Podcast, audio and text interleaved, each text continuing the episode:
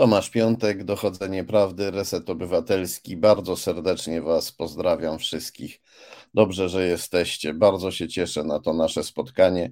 Będziemy dzisiaj mówić o różnych rzeczach. Będziemy mówić o Jarosławie Kaczyńskim. Jarosław Kaczyński jeździ po Polsce i mówi nam, e, jacy to jesteśmy zgnili, zdeprawowani przez Zachód, e, jak bardzo się nami brzydzi no to my sobie też porozmawiamy o Jarosławie Kaczyńskim, o e, nie o tym, co mówi, ale o tym, co robi, a właściwie o tym, co robił w przeszłości, o pewnych faktach, którymi on się nie chwali, a które są ważne dla e, zrozumienia kim on jest. Porozmawiamy też o nowym e, rosyjskim tropie, kolejnym, chyba już siódmym albo ósmym rosyjskim tropie w aferze taśmowej z 2014 roku, która pomogła PiS e, przejąć władzę w Polsce. Trop ten odkrył niestrudzony Grzegorz Rzeczkowski. Planowaliśmy rozmowę z Grzegorzem Rzeczkowskim na 19.40, ale ona się przesunie, to będzie gdzieś około 20.30, bo Grzegorz Rzeczkowski musiał się e, oddalić e, ze specjalną misją, ale po 20.30 będzie, więc zdążymy z nim jeszcze przez 20 minut porozmawiać. Mam taką nadzieję, że on zdąży z tej, z tej misji wrócić. A najpierw porozmawiamy o tej książce, o książce Kazimierza Wójcickiego Globalna Ukraina. To bardzo ważna książka. Ona nie jest gruba, natomiast to jest e, coś, co warto mieć, co każdy powinien mieć na półce, bo jej wartość nie zależy od jej grubości, mimo że jest niewielka, wag wagowo nie jest ciężka, można ją zabrać do kieszeni, to też jest jej zaleta, zawiera dużo treści bardzo ważnych, bo e, Ukraina jest naszym bardzo bliskim sąsiadem, bliskim geograficznie i bliskim naszemu sercu, ale wielu rzeczy o niej nie wiemy. Więc to jest taki e, trochę skrócony podręcznik tego, czym jest Ukraina, napisany bardzo przystępnie, bo to nie jest tak naprawdę podręcznik, to jest esej, e, to jest esej, który ma taką swoją swadę, jest literacko bardzo, bardzo dobry i mówi o bardzo ciekawych rzeczach. Ale to też jest e, książka, która tłumaczy nam, dlaczego Rosja tak rozpaczliwie, tak rozpaczliwie, bezwzględnie i okrutnie chce Ukrainę znowu zdobyć, zdobyć, zniszczyć, ale też nie do końca zniszczyć, wyssać, o można powiedzieć, pożreć. Pożreć. Dlaczego Ukraina jest Rosji tak niezbędna? Dlaczego zawsze, odkąd Rosja stała się Rosją, którą znamy, e, Ukraina była Rosji niezbędna? I książka mówi nam także, co się z Rosją stanie, jeśli Rosja nie da rady tym razem pożreć Ukrainy. Kilka razy w historii jej się to udało, ale tym razem może się nie udać. Zapraszam do studia autora Kazimierza Wójcickiego. Dzień dobry Państwu, dzień dobry Tomku. Dzień dobry. E, to może na początek powiedz nam, dlaczego Rosja tak rozpaczliwie pożąda Ukrainy? Dlaczego tak jej potrzebuje? Dlaczego tak bardzo potrzebuje ją rozszarpać i pożreć? No jest wiele przyczyn.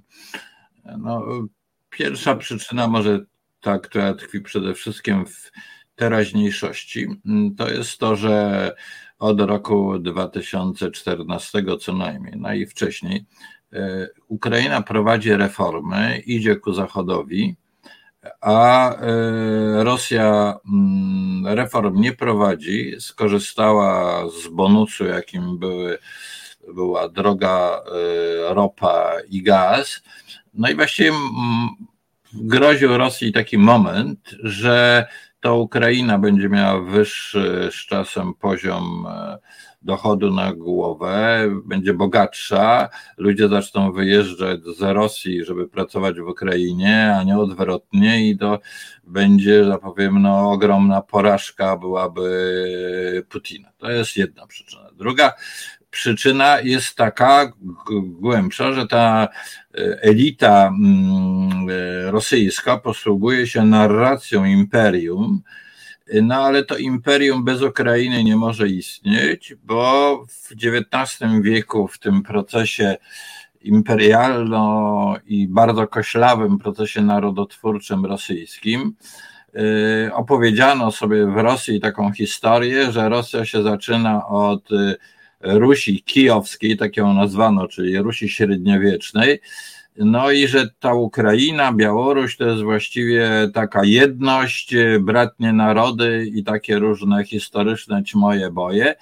No i teraz ta fakt, że ta Ukraina jest osobna, że ona opowiada własną historię, że to neguje bardzo głęboko historię Rosji, która się staje historią Moskwy, zaczyna się znacznie później ta historia i tak dalej, że to było Y, dla tego szowinizmu rosyjskiego nie do, y, nie do zniesienia. No i y, pewnie jeszcze tak w ramach tych bardziej teraźniejszych przyczyn, no to, no to jest to, że Putin po zdobyciu władzy w roku 2000 mógł zapewnić ludności w Rosji pewne, e, no, pewną poprawę sytuacji, bo ta ropa była droga, i rzeczywiście tam się sytuacja materialna poprawiła w każdym razie w tych głównych centrach. Natomiast też czasem yy, tej poprawy już nie było, bo nie było, nie było reform. No i trzeba było jakieś robić yy, takie mm, no, polityczne ruchy, które by mm, Putinowi zapełniły poparcie. No to była, i to była wojna, no ekspansja na zewnątrz, prawda? Zamiast reform, ekspansja. No to był rok 2014. Y, to się Putinowi udało, jego punkty wzrosły, prawda? Rosja jest większa. Y, ta duża część Rosji w to uwierzyła. Y, sytuacja Rosji wewnętrzna się wcale nie poprawiła, były pierwsze sankcje, no więc rozpoczęto drugą, drugą wojnę. No, tak można by te przyczyny opisać. Yy, I, no i obecna ta ekipa yy, wokół Putina, no to to, co oni opowiadają, to jest jakieś szaleństwo, jakaś schizofrenia. E, jest to bardzo niebezpieczne. Jest to wojna nie tylko z Ukrainą, ale właściwie, można powiedzieć, w intencjach, jakieś takie zakompleksiałe, e, upadające imperium, mocarstwo, e, które w ramach tych kompleksów grozi całemu światu zachodowi i tak dalej. No, znamy, no i dokonując ludobójstwa, zachowując się w jakiś no, straszny sposób. Ale w Twojej książce bardzo pięknie splatają się wątki e, historyczne z teraźniejszymi i można z tej książki wnioskować, z tych informacji, które tam przedstawiasz i z Twoich analiz i opinii ekspertów, których cytujesz i ze świadectw historycznych, że e, Rosja w pewien sposób zawsze była od e, Ukrainy zależna. I to nie tylko w sferze jakby mitologii, że Rosja się według Rosjan zaczyna od Rusi Kijowskiej, a Kijów jest e, w Ukrainie, więc e, trudno im sobie, więc to, to, nie chodzi tutaj tylko o taką mitologię, że musimy mieć ten Kijów, bo tam jest nasza kolebka kiedyś była.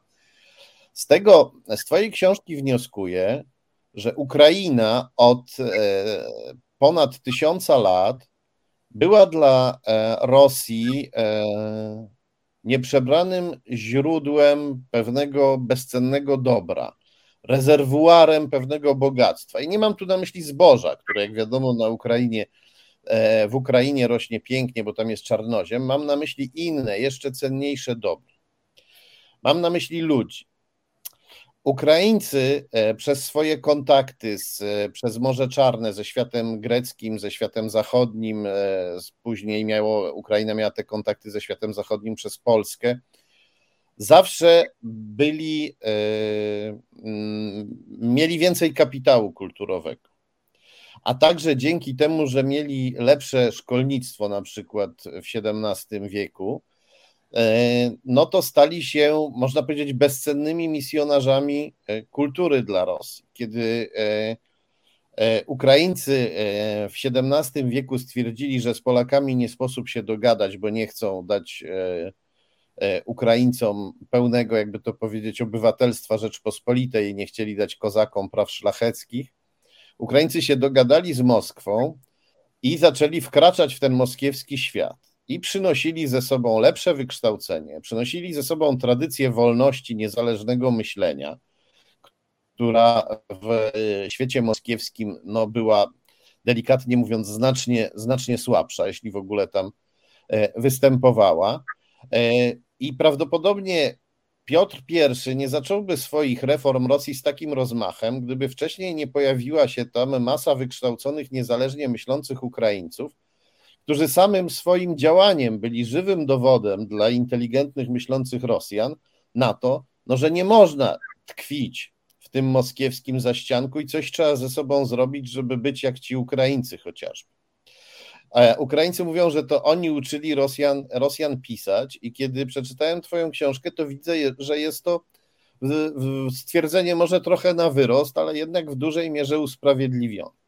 Kiedy się czyta rosyjską literaturę z pierwszej połowy XIX wieku, to petersburscy pisarze z przerażeniem opisują kolejny najazd Ukraińców, którzy przyjeżdżają do Petersburga, są niezwykle ruchliwi, inteligentni, obrotni i robią wielkie kariery, tyle że zmieniają sobie nazwisko, na przykład powiedzmy z Juszczenko na Juszczenkow, żeby było bardziej, żeby brzmiało bardziej e, po rosyjsku. I pod koniec twojej książki e, ukraińska wybitna pisarka Oksana Zabuszko, e, niedawno zaatakowana zresztą w Krakowie przez polskich bandytów na usługach Kremla, o czym pisała innymi Gazeta Wyborcza. Oksana Zabuszko mówi trochę, że Ukraińcy wręcz ponoszą w jakiś sposób część e, winy za to, że Rosja powstała, no bo e, mnóstwo Ukraińców oddawało swoje najlepsze siły temu potworowi. I teraz Rosja jest w rozterce, bo z jednej strony bez e, ludzi myślących, niezależnie myślących i odważnych, żadne imperium nie przetrwa. A z drugiej strony to imperium przecież opiera się na tym, że ludzi odważnych i niezależnie myślących od wieków morduje. To jest takie rozdarcie, które e, w historii Rosji się wyraża tym, że od czasu do czasu mamy odwilż i tym niezależnym pozwala się działać, żeby pomogli imperium stanąć na nogi, kiedy się przewróciło. Jak imperium stanie na nogi, to zaczyna tych niezależnie myślących na nowo rozdeptywać. E, tak to wygląda, jakby to powiedzieć, e, na historycznej e, sinusoidzie dziejów, prawda? Odwilż, przymrozek, odwilż, przymrozek i te przymrozki w Rosji są krwawe. A, a, a w tej chwili mamy do czynienia już z bardzo krwawym zlodowaceniem, ale jednak ono ciągle jest tutaj takie paradoksalne w takim schizofrenicznym rozdwojeniu. Potrzebujemy tej Ukrainy, bo bez niej nie, nie wiedzielibyśmy, co myśleć, nie wiedzielibyśmy, co ze sobą zrobić. Choć równocześnie chcemy tych Ukraińców pozabijać za to, że myślą y, y, niezależnie. I Rosja się tu jawi jako taki y, psychopatyczny albo zboczony morderca, który niezwykle pożąda swojej ofiary, ale jednak chce ją równocześnie zniszczyć. Przepraszam za takie bardzo wyraziste porównanie, ale takie wnioski się pojawiają. Czy możesz powiedzieć, że te moje odczucia na, wynikające z Twojej książki są słuszne, czy, czy, czy Ty to widzisz jednak inaczej? No ogólnie bym powiedział, że czytałeś ze zrozumieniem. Aczkolwiek nie, nie tylko, że tak powiem, to jest w mojej książce.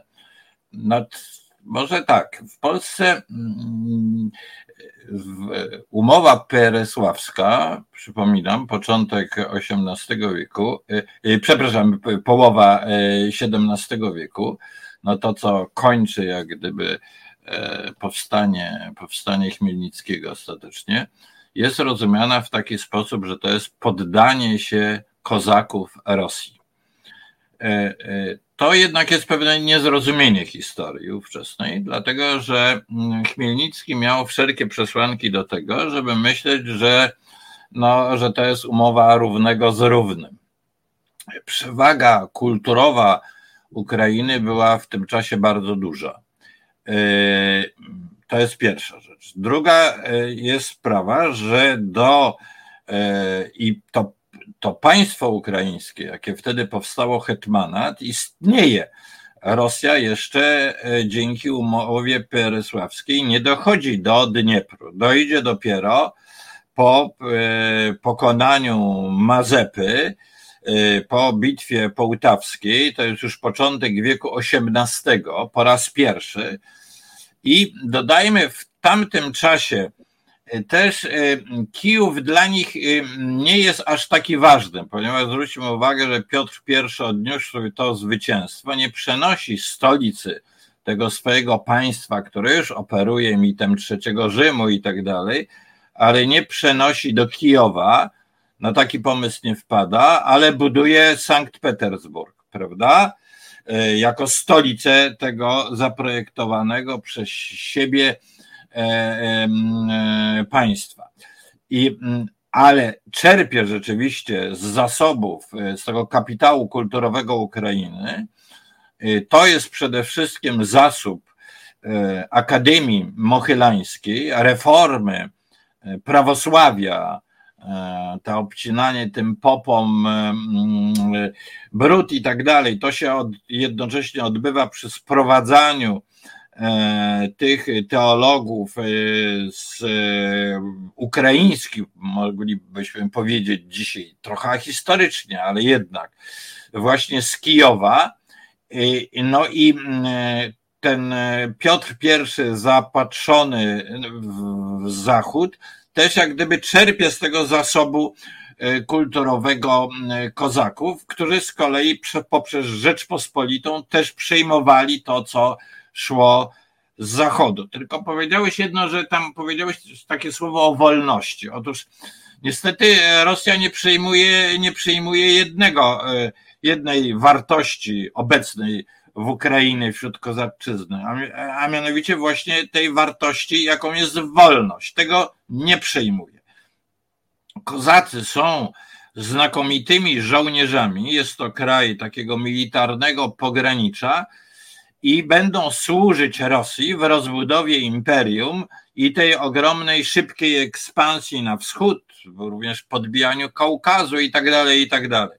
No zresztą żeby nie było tylko na Ukraińców. W XIX wieku Polacy też uczestniczyli w jakiś sposób w podboju Ukrainy, często jako zesłańcy, czy, czy w inny sposób. Więc y, i ten zasób, jak gdyby y, wschodu, y, to, to co jest za Uralem, służy Rosji jako, jako ten kapitał, którym wtedy to są futra i inne materiały, a dzisiaj to jest ropa, ropa i gaz ale w tym podboju biorą udział Ukraińcy, ale biorą udział wciąż jako e, samoistni, jako, jako odrębni, z poczuciem odrębności. I trzeba pamiętać, że na tych terenach hetmanatu tamtejszych nie ma pańszczyzny.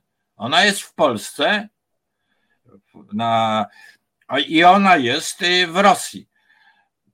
Pańszczyzna zostanie wprowadzona, czyli niewolnictwo, dopiero w, y, w, mniej więcej w tym samym czasie, jak dokonuje się y, pierwszy, pierwszy rozwój, rozbiór Rzeczpospolitej i, i wraz z tym następuje likwidacja hetmanatu. Czyli mamy tereny, w których istnieje rozwarstwienie społeczeństwa kozackiego, arystokracja, ziemiaństwo i tak dalej, ale, ale nie ma pańszczyzny. A więc ten etos wolności, znów to, jak na tamte czasy, w innych warunkach historycznych, ale wciąż jest obecny. I to w tej społeczności kozackiej przetrwa, ponieważ ci kozacy jako żołnierze też cieszą się y, szczególnymi przywilejami. No, więc y, y, to jest mało u nas rozumiane i mało jest rozumiany ten proces narodotwórczy ukraiński, który przebiega inaczej niż w Polsce i związany jest w dużym stopniu z etosem kozackim, chociaż ten, ta kozaczyzna też świadoma jest tej przeszłości Rusi średniowiecznej, i Kijów jest dla kozaków już podczas powstania i wcześniej powstania Chmielnickiego, to odruchowo to jest stolica ich, ich państwa. Tutaj e, toczy się bardzo ożywiona dyskusja na naszym czacie. Mamy użytkownika Waldka, który no trochę odbieg od tematu, ponieważ atakuje prezydenta Zełęńskiego za to, że ten mówił o rakietach, które spadły na przewodów, że to są rakiety rosyjskie, podczas kiedy one są ukraińskie. Ja tutaj gorąco polecam artykuł, który jest na stronie Resetu Obywatelskiego, e, naszego portalu pisanego, resetobywatelski.pl, można sobie znaleźć w internecie, gdzie piszemy, jak nasze niestety polskie władze wpuściły prezydenta Zełęńskiego w te maliny, tak to można nazwać. E, no, e, jak doprowadziły do tego, że prezydent e, Zełęński tutaj minął się z prawdą. I nasz komentator Waldek tutaj nawiązuje też do trudnych spraw z przeszłości. Domyślamy się, że chodzi o rzeź wołyńską, o działalność ukraińskiej powstańczej armii i dlatego też bardzo polecam tę książkę Globalna Ukraina, bo również w tej książce jest poruszony temat ukraińskiego nacjonalizmu, e, który był krótkim epizodem w dziejach Ukrainy.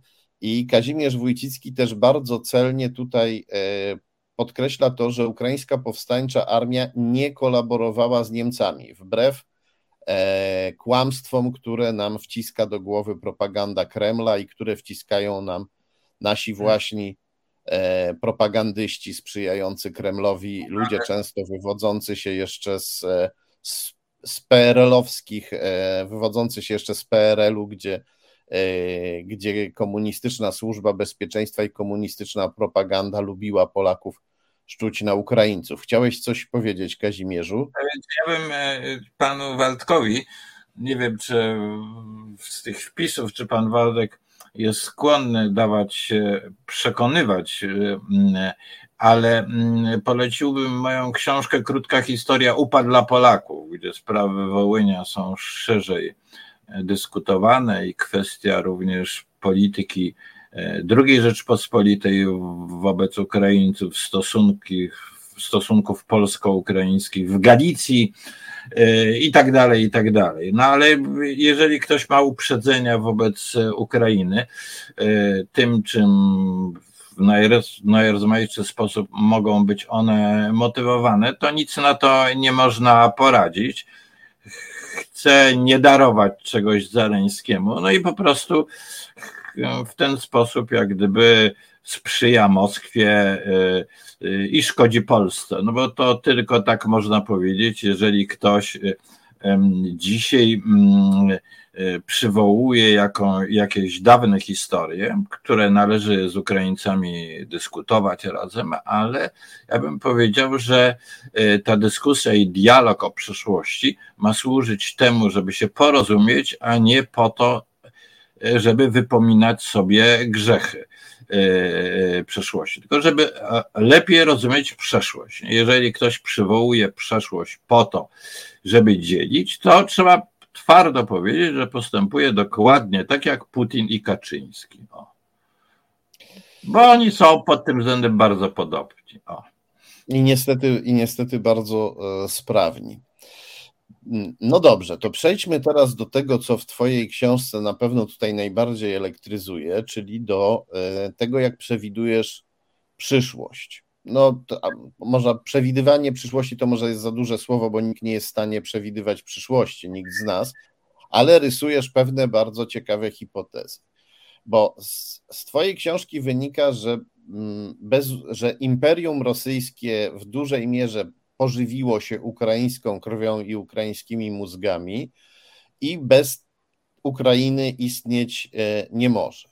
E, e, przegrana teraz, gdyby Rosja przegrała wojnę z Ukrainą, byłaby to nie, znaczyłoby to tylko, nie, nie tylko odcięcie od tego rezerwuaru mocy i kapitału, jakim jest Ukraina, ale oznaczałoby też niesłychane upokorzenie. Rosja przestałaby być straszna dla wielu, y, dla innych narodowości, które żyją w Rosji lub dla takich grup jak rosyjscy Sybiracy, mieszkańcy Syberii, którzy nie do końca się identyfikują z Rosją. Więzi pomiędzy poszczególnymi prowincjami, krainami składającymi się na Imperium Rosyjskie mogłyby e, osłabnąć. E, czy możesz powiedzieć więcej o tej, e, o tej wizji? Znaczy tak, słowa wizja jest niebezpieczna. Ja sobie kiedyś nad morzem kupiłem szklaną kulę i usiłowałem w niej odczytywać przeszłość, ale to słabo idzie.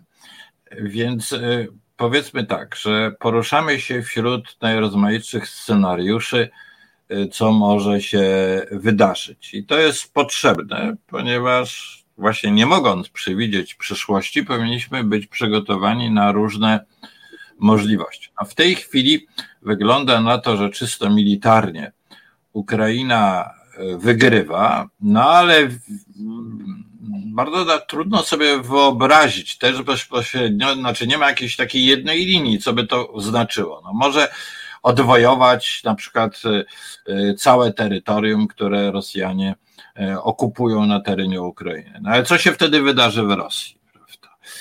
Ta dyskusja jest obecna teraz, no bo ostatnia wypowiedź Macrona jest taka, że należy Rosji po zwycięstwie Ukrainy również w ramach jakichś negocjacji zapewnić bezpieczeństwo. No to wśród naiwnych komentatorów ta zapowiedź Macrona jest jakimś ogromnym ustępstwem i jest jednocześnie niezrozumieniem E, polityki, dlatego że. Mm, Nie, ale przepraszam, przerwę ci. Jeśli dobrze pamiętam, Macron źle to sformułował. Bo powiedział, e, że Putinowi trzeba te gwarancje bezpieczeństwa. To, że Rosja, wielki kraj, w tej chwili zbrodniczy, no ale jednak w jakiejś formie przetrwa i ci ludzie muszą jakoś żyć, to ja rozumiem.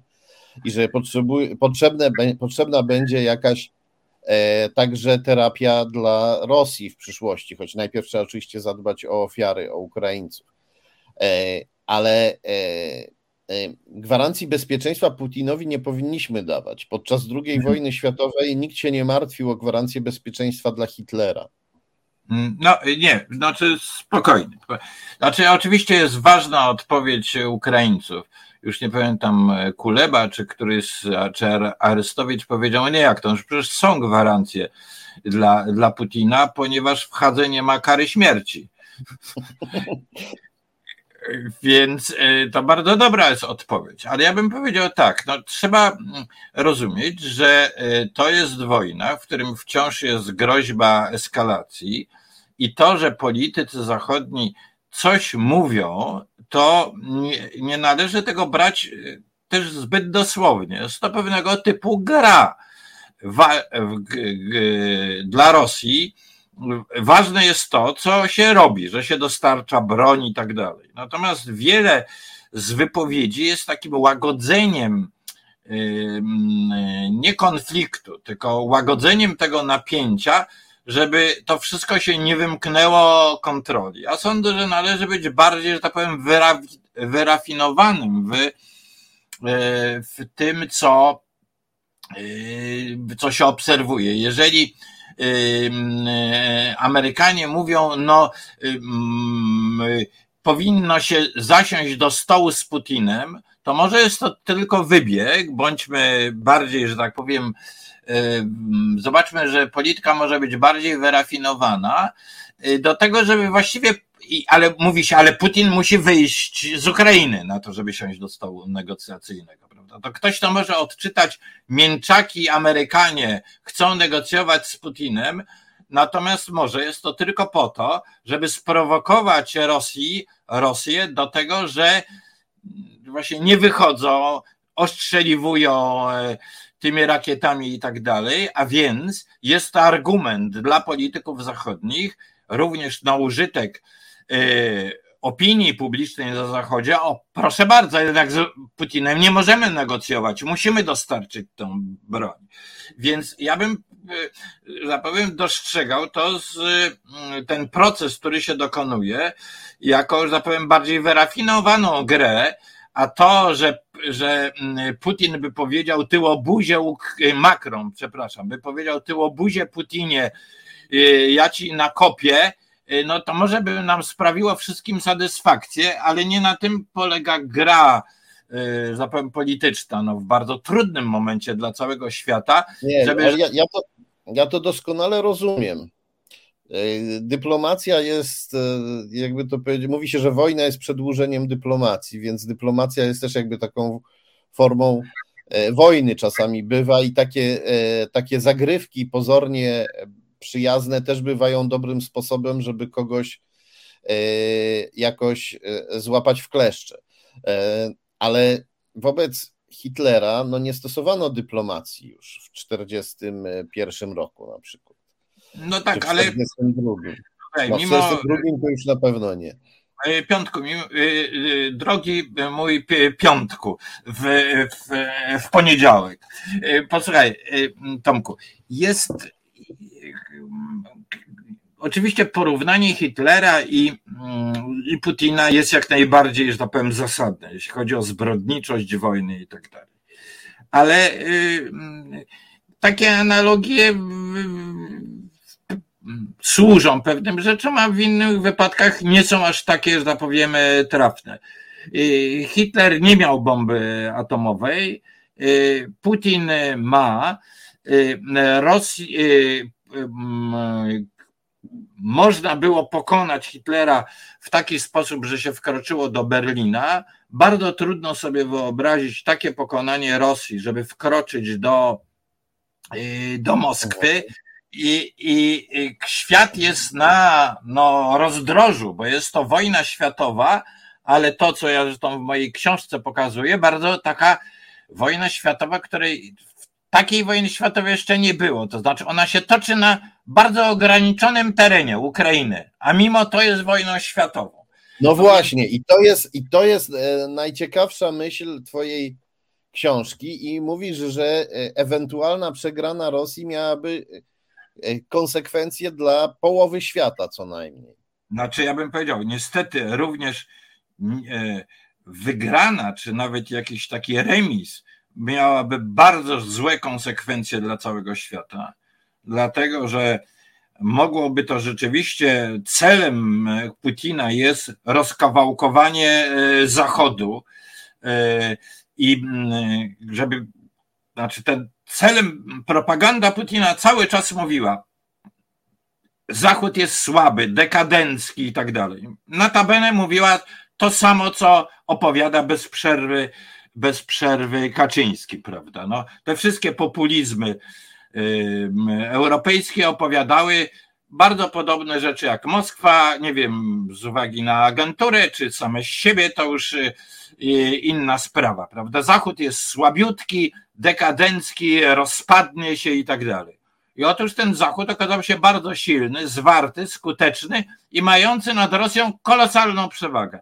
A Rosja okazała się słaba, a przede wszystkim mit armii rosyjskiej jako skutecznej padł. Tym niemniej wciąż Putin liczy na to, że to napięcie wojenne, e, bronie, ropy i tak dalej spowoduje jakieś bunty na Zachodzie, e, konflikty między poszczególnymi krajami i tak dalej. Ja chcę zwrócić uwagę, że PiS, który głosił tą tezę przez całe lata, prawda, o rozpadzie e, Gerajewski e,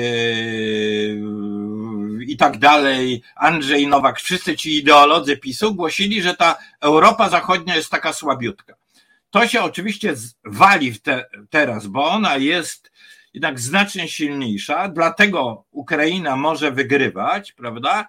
Ale Kaczyński to Y, kontynuuje tą dawną ideologię. A mianowicie opowie- jedna ostatnia z wypowiedzi powiedział, że y, Europa, Europa jest niepotrzebna przy zwycięstwie, jest tylko Ameryka potrzebna. No to w ogóle jest to ignoranstwo, głupota, ten dziad nie, nie, nie, po prostu. To nie jest ignoranstwo, to nie jest to nie jest no dobra, wszystko jedno. Nie, to jest świadome rozbijanie NATO Oczy, w oczywistym I, interesie Kremla. Dobra, y, zostawmy nawet jego intencje. To jest po prostu kłamstwo z tego powodu, że pomoc chociażby finansowa Unii Europejskiej jest równa pomocy Stanów Zjednoczonych i tak dalej, i tak dalej, prawda? Widać, że y, wizyta Macrona w, w Stanach Zjednoczonych, komentowana w Polsce w jakiś naiwny sposób, że to jest przeciwko Niemcom. Nie, to jest niezwykłe, że Paryż chce, rozmawia z Waszyngtonem, prawda? To jest podstawowa rzecz. I zapraszając Macrona do Waszyngtonu, nie robi tego Biden przede wszystkim na złość Berlinowi, tylko przede wszystkim integruje, integruje Zachód. Ale to jest kom, kontynuowana, ta dawna ideologia antyzachodnia PiSu w tych nowych warunkach jest kontynuowana, bo się mówi, co się mówi? No, y, my walczymy dzielnie razem z Ukraińcami. My walczymy razem. To jest prawie w tej prasie pisowskiej to jest prawie wojna polsko-ukraińsko-rosyjska, prawda? Y, a Zachód nie pomaga. No pomaga y, Ameryka, ale broń Boże nie powiedzmy, że to jest Biden, bo bo tam myśmy byli zakochani w Trumpie, prawda?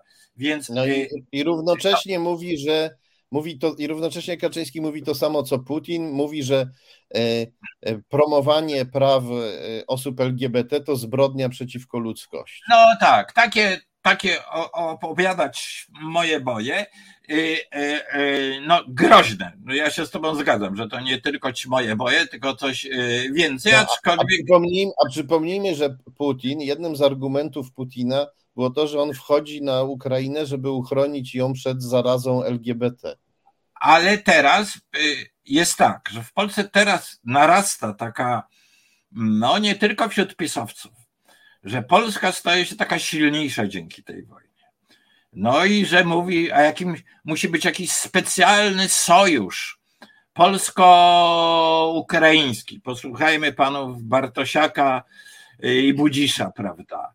E, mm, e, no, no, no, Budzi, przepraszam, Budzisza, który jeszcze w zeszłym e, roku, jeśli dobrze pamiętam, twierdził, że powinniśmy zbliżyć się do Moskwy. No więc i teraz mm, to, to jest absolutnie złudzenie, dlatego że Polska, będąc w konflikcie z Berlinem, w bardzo złych stosunkach z Brukselą, oczywiście mm, no, ta konfiguracja geograficzna jest w tej chwili jest no, ma bardzo wielki wpływ na pozycję Polski. Z Polski idą transporty, tam Polska rzeczywiście pomaga intensywnie pomagała Ukrainie, pomaga. E, te wyjazdy e, Dudy i tak dalej, prezydenta Dudy do Kijowa, jakby, że tak powiem, można dopatrywać się takiej słabości w tej dyplomacji, ale jednak są, są ważne. To jednak, to jednak jest tak, że przecież Kijów jest zapatrzony na Brukselę. On chce wejść do Unii Europejskiej. I, i a nie zapowiemy Polska w momencie, kiedy Kijów wygra, przestaje Warszawa, przestaje być dla Kijowa taka użyteczna, dlatego że Kijowowi potrzebna jest pomoc w wejściu do Unii Europejskiej. Jeżeli premierem będzie Tusk, to, to będzie ten premier, który, który, który, do którego Kijów od razu się zwróci jako do byłego wysokiego, ja powiem, funkcjonariusza Unii Europejskiej i tak dalej o pomoc. Natomiast do państwa, które, do rządu, który jest w tak głębokim kryzysie, konflikcie z Brukselą, no jaka, jaki to będzie miało użytek? Ponadto Niemcy już dzisiaj przygotowują się do odbudowy Ukrainy. Piszą bardzo dokładne plany, budują jak ta ma wyglądać. I to jest państwo, które ma odpowiednie fundusze, pieniądze i tak dalej, żeby to czynić. Polska jak będzie w tak złych, w wojnie właściwie z, e, e, z Berlinem, no to w odbudowie Ukrainy nie weźmie udziału e, w odpowiednim wymiarze, no ponieważ nie, nie posiada te, do tego środków. Prawda? Byłaby bardzo ciekawym partnerem dla Berlina, ponieważ Polska niewątpliwie posiada ogromny kapitał kulturowy taki do, do tego, żeby z, współpracować e, z Ukrainą. Może być tym szalenie ważnym pomostem na wschód, kiedy Ukraina będzie już w pełni, e, że tak powiem, bezpieczna, będzie budowała tą, będzie współbudowała Europę i tak dalej na wschodzie. Natomiast, natomiast w gruncie rzeczy PiS kontynuuje dawną gadkę o tym, że E, e, Europa Zachodnia się rozpada, nie chce pomagać i tak dalej, i tak dalej. I mm, no, to nie, to nie jest coś, co PiS sobie całkowicie wymyślił. To jest wynik e, historycznych kompleksów Polaków że, y, że Francja w 39, że w 45 roku y, no w końcu Polskę zostawiono i tak dalej, i tak dalej. Pamiętam też w gruncie rzeczy w latach 70., y, że tam Zachód nie dość pomaga opozycji. Cały czas było to, prawda? Taki, no, no natomiast to jest moim zdaniem mm, no właśnie mm, pełne kompleksów, i zapomnieniem o dzisiejszej polityce, w której Zachód w istocie bardzo silnie się zintegrował, nadspodziewanie szybko, stanowi to bardzo przykrą e, niespodziankę dla Putina, który uwierzył własnej propagandzie. No i wygląda na to, że Putin przegrywa, bo nawet jeżeli ta wojna potrwa troszeczkę dłużej, to przecież to przecież y, jest, y, to będzie wojna zasobów. No zasoby, zasoby Zachodu są tak ogromne w porównaniu z zasobami rosyjskimi. No to widać, prawda? Putin liczył, że zaszantażuje gazem i ropą, a w tej chwili jak gdyby te, no zdaje się, że wczoraj wchodzące te obostrzenia Unii Europejskiej dotyczące handlu ropą i później gazu i tak dalej, to wszystko odwrotnie. Uderza w Rosję, Zachód jest w stanie dać sobie z tym radę. Czyli y, y, ten opis, y, to co ma w głowie Putin jako, jako obraz świata, jest pułapką dla niego, ale w tą pułapkę, w tej pułapce tkwił także PiS, który nie bardzo się potrafi pożegnać z tym, że świat jest skonstruowany nie w taki sposób, że y, y, można, y, można lekceważyć Brukselę, zachowywać się jak taki niegrzeczny chłopiec, robić afronty całemu światu, uczyć Francuzów jeździć widelcem i tak dalej i żądać PiS po prostu, PiS po prostu wierzył, że PiS po prostu wierzył, że PiS, jest, e, PiS po prostu wierzył, że Putin jest silniejszy. A Putin nie jest aż tak silny, jak myślał Putin i jak myślał, jak myślał PiS. E, ja, ja myślę, że inaczej. Też nie to, że, że, że Putin jest silniejszy, ale sądzę, że oni się cały czas bali, bo to jest odruch w Polsce, bali Moskwy, ale nie, nie myśleli, że Rosja rozpocznie tą wojnę, natomiast nauczyli się, y, nie nauczyli się, instynktownie chcieli straszyć Rosją y, Polskę. Cały czas ta nie, retoryka... Oni, ale tam straszenie Rosją to jest jakiś tam element ich propagandy, bo oni muszą udawać y, wrogów Rosji. E, taki mają elektorat, ale oni byli przekonani, że Putin błyskawicznie wygra tę wojnę. Dlatego chcieli budować e, drut kolczasty na granicy z Ukrainą, chcieli e, Ukraińców, do, chcieli uchodźców do Polski nie wpuszczać i dlatego opublikowali wielki wywiad z ambasadorem Kremla niemalże na kolanach. Byli przekonani, że za kilka dni Ukraina będzie należeć do Putina, a oni wtedy westchną i powiedzą: Słuchajcie, rodacy, sytuacja się zmieniła, Rosja jest e, bardzo potężna, trzeba z nią jednak rozmawiać i wreszcie będą mogli tę e, maskę antyrosyjskich patriotów, którą sobie włożyli na twarz i która ich bardzo uwiera, że będą mogli wreszcie tę maskę z dużym westchnieniem ulgi zdjąć. No ale tak się nie stało, bo Ukraińcy zaskoczyli wszystkich. Zaskoczyli Putina, zaskoczyli Zachód i zaskoczyli również PiS. Znaczy, czy Zachód zaskoczyli? No w jakimś stopniu tak, w jakimś stopniu tak, ale zwracam uwagę, że chyba nie aż tak bardzo, skoro od 14 roku Amerykanie szkolili armię ukraińską, e, no więc e, w jakimś celu to robili, z jakimś scenariuszem, który mieli w głowie.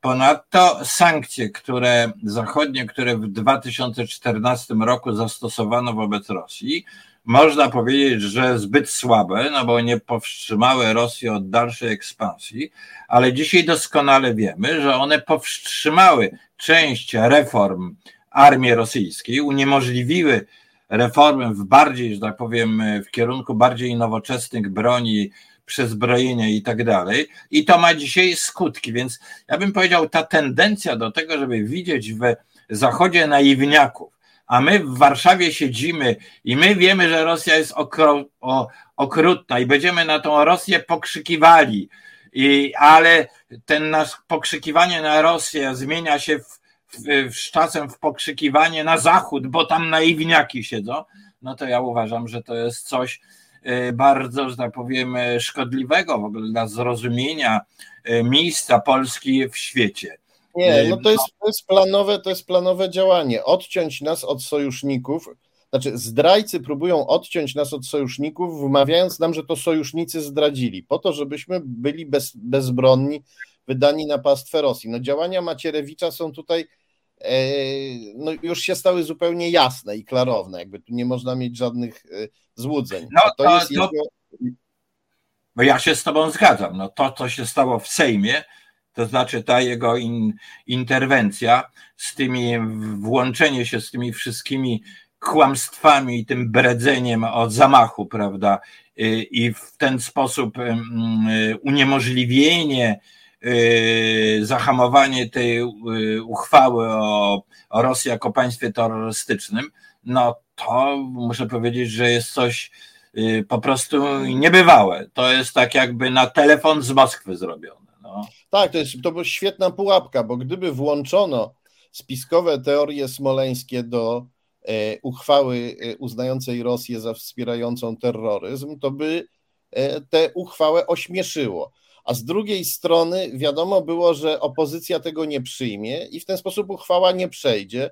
Rosja nie zostanie nazwana państwem wspierającym terroryzm, Putinowi zostanie oddana przysługa, a jeszcze dodatkowo perfidnie Macierewicz będzie wmawiać swoim wyznawcom, że to opozycja e, odrzuciła uchwałę, bo nie chce walczyć z Rosją. Więc to jest majstersztyk. E, no taki jakby najlepsi szachiści na Kremlu po prostu taką, taką okay. taki ruch, e, ruch, ruch taki mat w kilku ruchach wymyśli. Ozraj, ja ci powiem, aż dla, mm, aż z takim podziwem dla mm, szachistów z Moskwy, jak ty nie jestem, zwłaszcza zwracam uwagę, że ten mistrz świata jest w opozycji y, rosyjskim. Gary Kasparow. Gary Kasparow. A, a, a, Putin, a Putin, jak sam piszesz, woli judo od szachów. Tak, więc y, a judo to jest bardzo impulsywne i mało tego, no szachistą nie jest dobrym, bo to są, co się dzieje, to są szachy i on w tej partii przegrywa. Ja bym powiedział, że to było tak, że do roku, do lutego 20, znaczy tego roku, jak gdyby zdawało się, że pod wieloma względami Putin propagandowo wygrywał. No bo był internet, te wszystkie podkopy, trole, fabryki troli i tak dalej, i tak dalej. Okej. Okay. Y, y, I ten Zachód rzeczywiście wydawał się tak, że daje się oszukiwać, co i raz jakiś pożyteczny idiota się odezwał, albo na te bzdury z Moskwy nie odpowiadano, bo je lekceważono. Tylko zwracam uwagę, że faktyczność wojny, faktyczność wojny y, zdecydowała, że ta propaganda się zawaliła w gruncie rzeczy. To są jakieś próby najrozmaitsze, ale ona się w gruncie rzeczy zawaliła, dlatego że skończyła się epoka postprawdy. Irpień, Bucza, y, Mariupol, to jest koniec postprawdy. Tam, gdzie są tak twarde fakty, tak okrutne, tam, gdzie przychodzi barbarzyńca, ten liberał zachodni już przestaje jak gdyby tak szukać tego złotego środka, no bo y, nie można znaleźć y, złotego środka, jeżeli się porów, twoim, że tak powiem, z Hitlerem porównanie między Churchillem a Hitlerem. Tu nie ma złotego środka. No Hitler jest Hitlerem, koniec. Tak. I, tak Churchill, samo... i to, jest bardzo, to jest bardzo dobre porównanie. Churchill to był łajdak, polityczny gangster. E, mnóstwo złych rzeczy można o nim opowiedzieć ale jednak Churchill był po stronie dobra w tamtej wojnie i nie ma tutaj żadnej wątpliwości, a, a Hitler był czystym złem tamtej wojnie. No i, i teraz dzieje się, że tak powiem, to samo. No, powiem, faktyczność, brutalność wojny decyduje, że propaganda rosyjska się zawala. No to, to co mówi Ławrow i ci ten Sołowiew, jak oni się tam nazywają, ta Simonian, no to y, najlepiej reagują na to Ukraińcy, bo oni mają takie programy kabaretowe, gdzie po prostu wstawiają te kawałki i tak bardzo krótko komentują to, yy, yy, mówiąc o, zapluł się, o, o, jak, jaka bzdura, no bo inaczej właściwie na to nie można zareagować. Yy, więc to jest jak gdyby upadek propagandy, propagandy mm, rosyjskiej, moskiewskiej. Bardzo zresztą ciekawe słowo. Ukraińcy mówią już Moskwa, a nie Rosja. Bo Rosja jest takim terminem, dodajmy, który się kojarzy Rosja, Ruś i tak dalej, i tak dalej, prawda? To, Ruś te, to... Te, te podobieństwa słowne spowodowały bardzo historycznie bardzo duże yy, zamieszania, prawda? A więc Moskwa, Moskowia. No, warto to mm. również ten język. Moskowia trochę takie antykwaryczne pojęcie, ale warto go używać. No i teraz ty, twoje pytanie jednak, na które wciąż nie odpowiedziałem. Co będzie? Co można przewidywać, jaki scenariusz? Otóż no, ta dyskusja się zaczyna, prawda? Ktoś od, y, słucha Macrona, będą negocjować z, z Putinem. Błagam, to jest jakieś walki takie słowne, które nie mają znaczenia.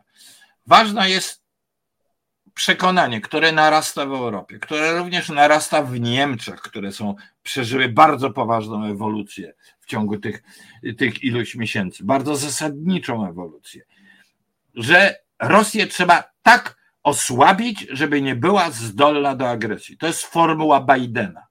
Teraz, co to ma znaczyć? Czy to ma oznaczać rozpad tej federacji rosyjskiej terytorialnej? Czy, no nie wiem, denuklearyzację. Czy ma być to związane z pociągnięciem w jakichś nowych warunkach części tej elity, rzeczywiście zaciągnięcie do Hagi? No, tego w tej chwili nie wiemy. Zwróćmy też uwagę, że, że to jest 140-milionowe społeczeństwo, 20 milionów, co najmniej 20 milionów mniejszości, bardzo skomplikowane w gruncie rzeczy wewnętrznie, w którym mogą zostać uruchomione procesy, które, na które z zewnątrz będzie można po trosze wpływać, no ale one będą na pewno nie kreowane z zewnątrz, prawda?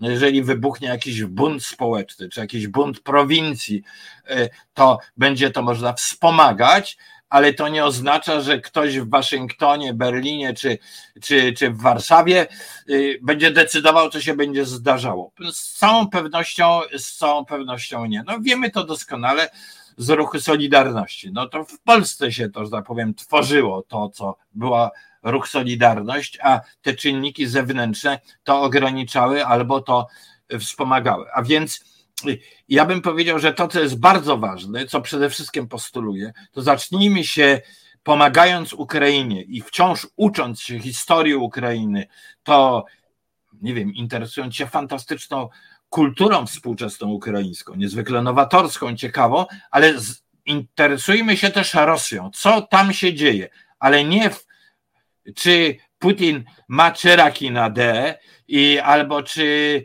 czy używa jakichś kosmetyków, czy jest chory i tak dalej, tylko nie kremlinologią, tylko zainteresujmy się całą Rosją, prowincją, tymi skolonializowanymi ludami.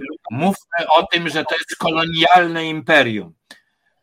Co z tego będzie, nie wiemy w tej chwili, ale im więcej będziemy wiedzieli o Rosji w taki realny, nowy sposób, tym bardziej będziemy zdolni rozumieć, co tam się dzieje i tym bardziej mając dobre stosunki z Zachodem, a Kaczyński już nie będzie miał, ale przyszły polski premier, przyszły polski rząd z takim zapleczem eksperckim znajomości, znajomości Rosji będzie mógł tym bardziej, że tak powiem, skutecznie wpływać na reakcję Zachodu. Bo oczywiście niebezpieczeństwem byłoby, gdyby w pewnym momencie ta reakcja Zachodu była taka, no już niech się ta Rosja nie rozpada. Przypomnijmy, że to była reakcja w, w roku 91, prawda? e, niech się Związek Radziecki nie rozpada, bo nie wiadomo, co z tego wyjdzie. Prawda?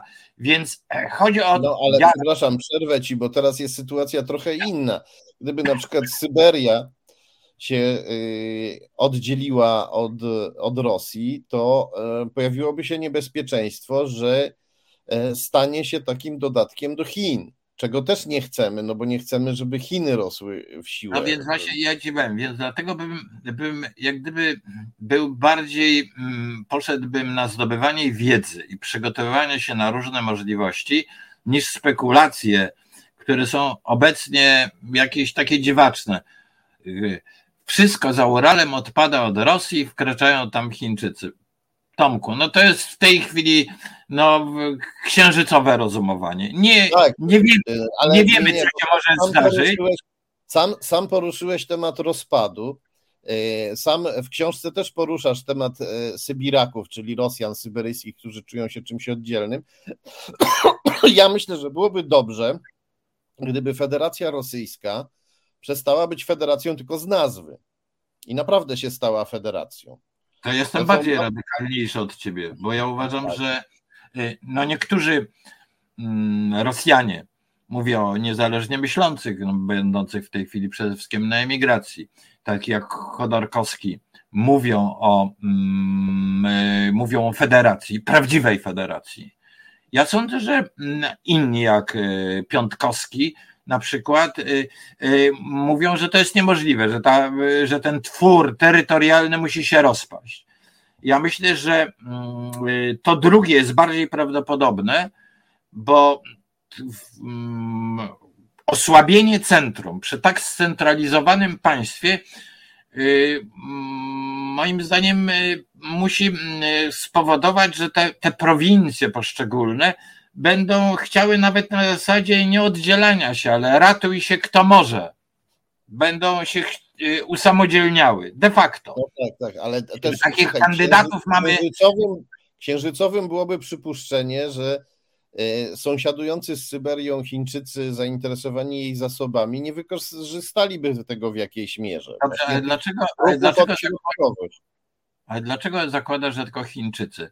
Tam mogą wkroczyć Y, może wkroczyć y, Zachód, mogą powstać niezależne państwa, y, na pewno, na pewno będzie wkraczała, wkraczały Stany Zjednoczone, a przede wszystkim dlaczego, a dlaczego tak uprzedmiotawiasz społeczeństwa, które tam są?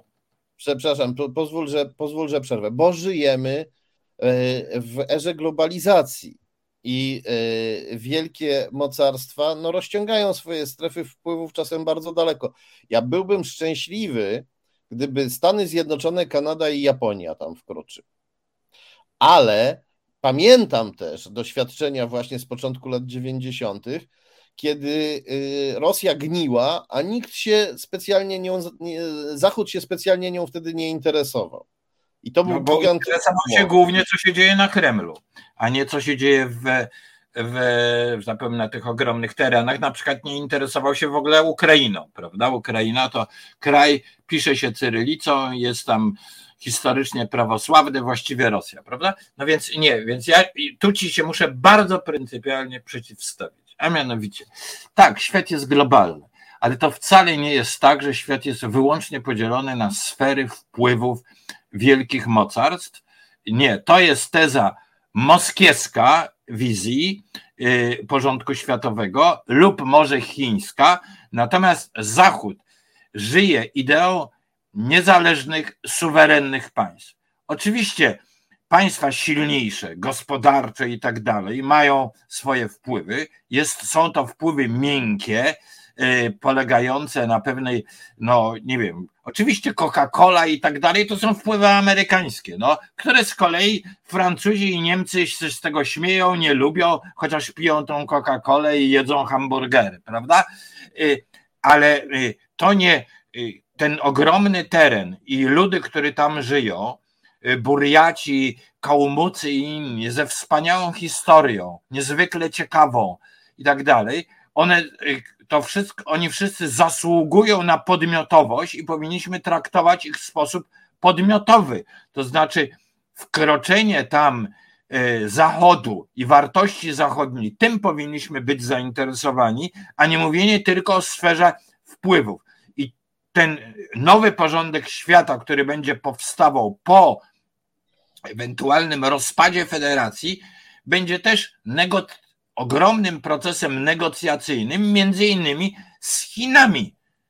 W jaki sposób Chiny weźmą udział w tym procesie, ale może też i inni, e, to w tej chwili nie wiemy. Na pewno w tym procesie weźmie udział w jakiś sposób Turcja, która, bo e, tej ludności turko-pochodnej, czy jakby ją nazwać, jest wciąż tam dużo i tak dalej, i tak dalej. Języcznej. Tak, ponieważ ma, wiele ludów w Syberii mówi językami, które no są tak. E, Czyli, bardzo blisko spokrewnione z tureckim tego, i Turcy się no zawsze to się tego uczmy, do tego się przede wszystkim, do tego uczmy tego wszystkiego, żeby być przygotowanym na to i nie reagować tak jak e, w 91 roku, że nagle pojawia się Ukraina, rany gorzkie, skąd się ten kraj wziął, nie wiem, lecę Byłem, do biblioteki. No. W latach 90. mieszkałem we Włoszech i takie było nastawienie właśnie, że no ale więc... po co?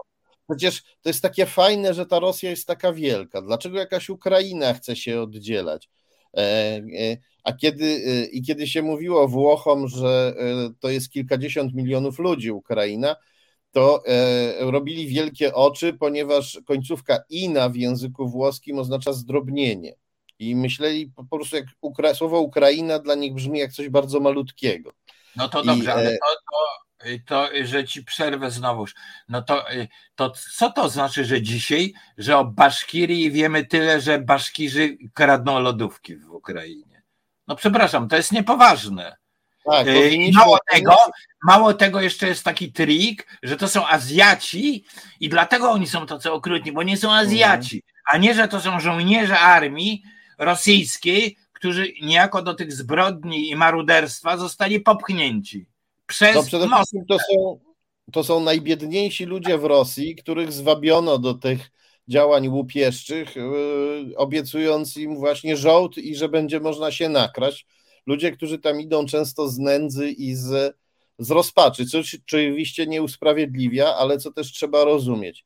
Bardzo, bardzo Ci dziękuję za tę Ale rozmowę. Ja chcę jeszcze słowo Moglibyśmy powiedzieć. jeszcze kontynuować. Dobra, os, tak, tak, ostatnie słowo na koniec. Ostatnie słowo jest takie, że jestem tak zirytowany polskim komentarzem w dużej części polskiej pracy, jakąś naiwnością i tak dalej, że jak wiesz, bo o czym żeśmy razem rozmawiali, w najbliższym czasie w ramach resetu e, chcę uruchomić i przy Twojej pomocy też taką audycję na bieżąco, żeby komentować wydarzenia w sposób bardziej wyrafinowany niż to się czyni w polskiej, e, polskiej prasie.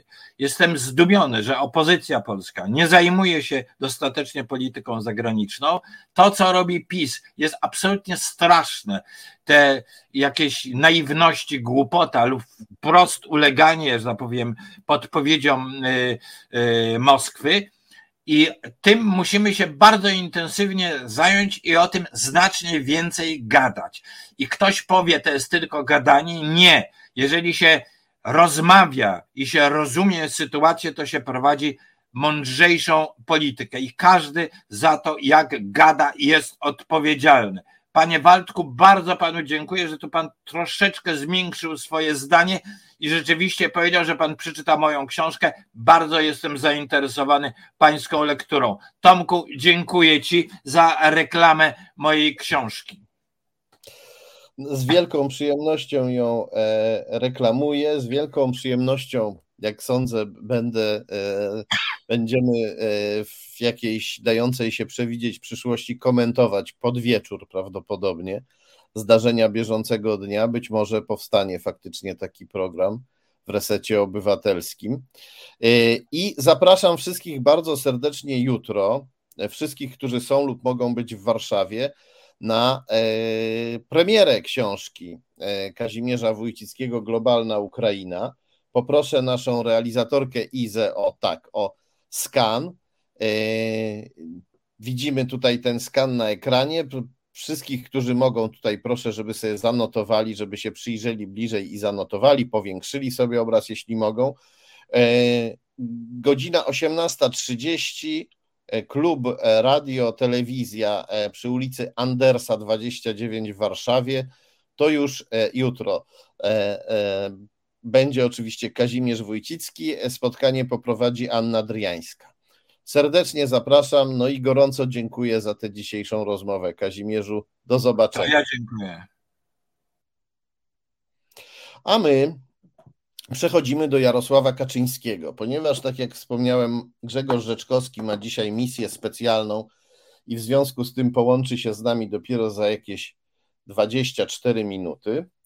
To my w tym czasie Powiemy sobie parę faktów na temat Jarosława Kaczyńskiego. Jarosław Kaczyński jeździ po Polsce i opowiada rzeczy, które faktami nie są, a my yy, skoncentrujemy się na faktach dotyczących Jarosława Kaczyńskiego, faktach z przeszłości, ale które mówią o nim dużo. Yy, poproszę o kolejny skan, skan numer dwa.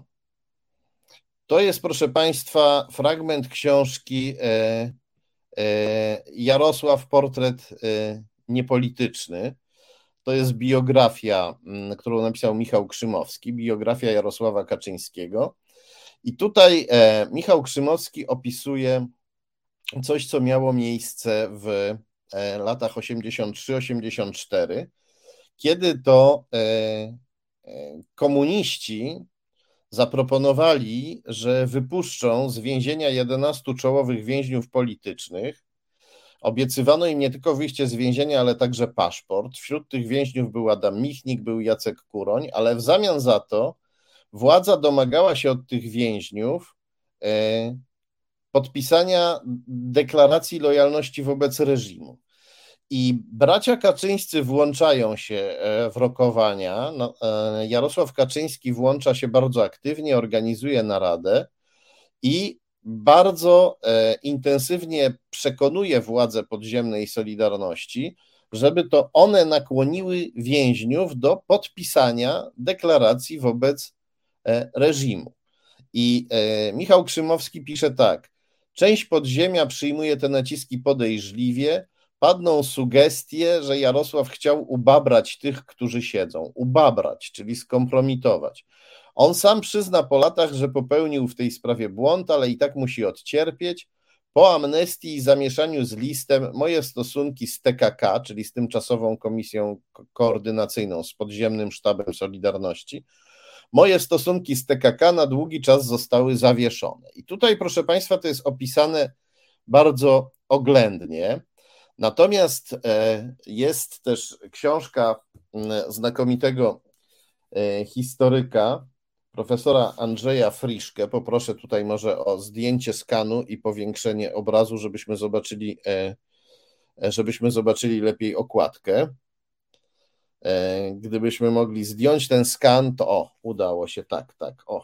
To jest okładka tej książki, książka Sprawa 11. I w tej książce poproszę o kolejny skan, skan numer 3. Nie, nie, o tak, ten.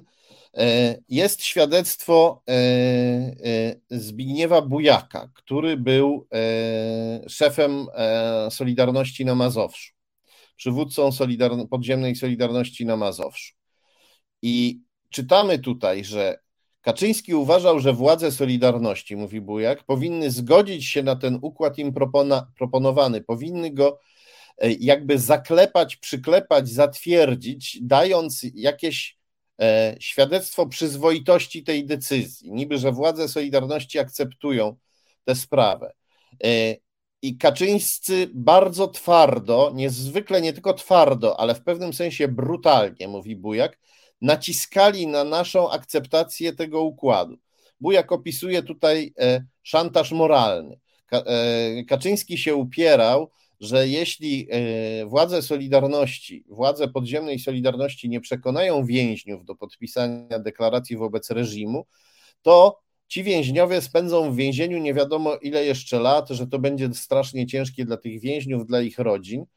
A Bujak odpowiadał Kaczyńskiemu, że, e, że to e, może tak być, no ale za to odpowiedzialność ponoszą komuniści, którzy trzymają tych ludzi w więzieniu ale najprawdopodobniej tak nie będzie, bo komuniści się łamią, podtrzymają tych więźniów jeszcze przez parę miesięcy i dlatego nie wolno tych więźniów skazywać na śmierć cywilną, na hańbę, na którą by się narazili, gdyby te deklaracje lojalności wobec reżimu podpisali.